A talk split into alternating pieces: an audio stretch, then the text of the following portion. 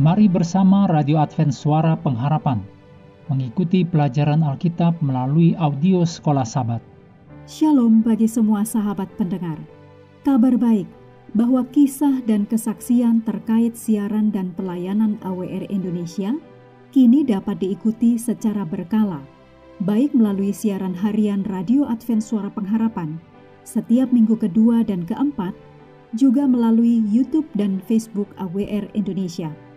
Terima kasih banyak untuk yang sudah menyampaikan dan masih terbuka bagi Anda semua untuk segera SMS atau telepon ke nomor AWR di 0821 1061 1595 atau di nomor 0816 1188 302 untuk WhatsApp dan Telegram. Kami tetap menunggu dukungan Anda. Selanjutnya kita masuk untuk pelajaran kelima periode 23 sampai 29 Juli. Judulnya sangat panas. Mari kita mulai dengan doa singkat yang didasarkan dari Yakobus 1 ayat 12. Berbahagialah orang yang bertahan dalam pencobaan, sebab apabila ia sudah tahan uji, ia akan menerima mahkota kehidupan yang dijanjikan Allah kepada barang siapa yang mengasihi Dia. Amin.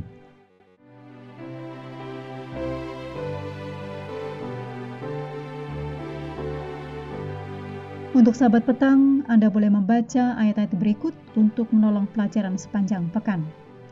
Kejadian pasal 22, Hosea 2 ayat 1 sampai 12. Ayub 1 ayat 6 sampai pasal 2 ayat 10. 2 Korintus 11 ayat 23 sampai 29. Juga Yesaya 43 ayat 17. Ayat hafalan sepanjang pekan diambil dari Yesaya 53 ayat 10. Tetapi Tuhan berkehendak meremukkan dia dengan kesakitan.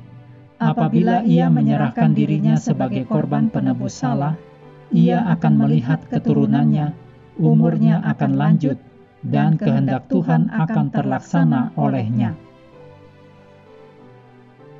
Saat istri dari seorang penulis Kristen terkenal, C.S. Lewis, sedang sekarat, Lewis menulis, Bukannya saya berpikir bahwa saya dalam bahaya besar untuk berhenti percaya pada Allah.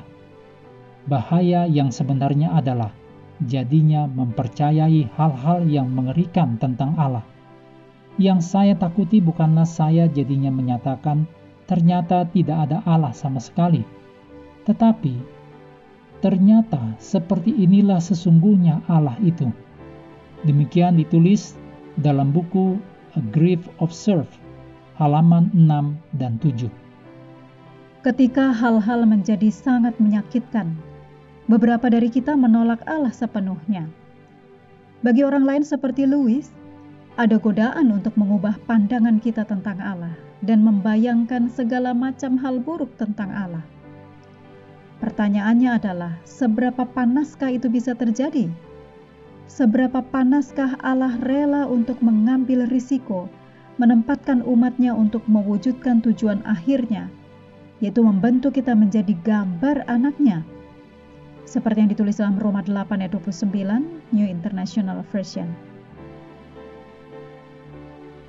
Sekilas pekan ini, menurut Anda, mengapa Allah bersedia mengambil risiko disalahpahami oleh mereka yang Dia ingin untuk mengenalnya dan mengasihinya?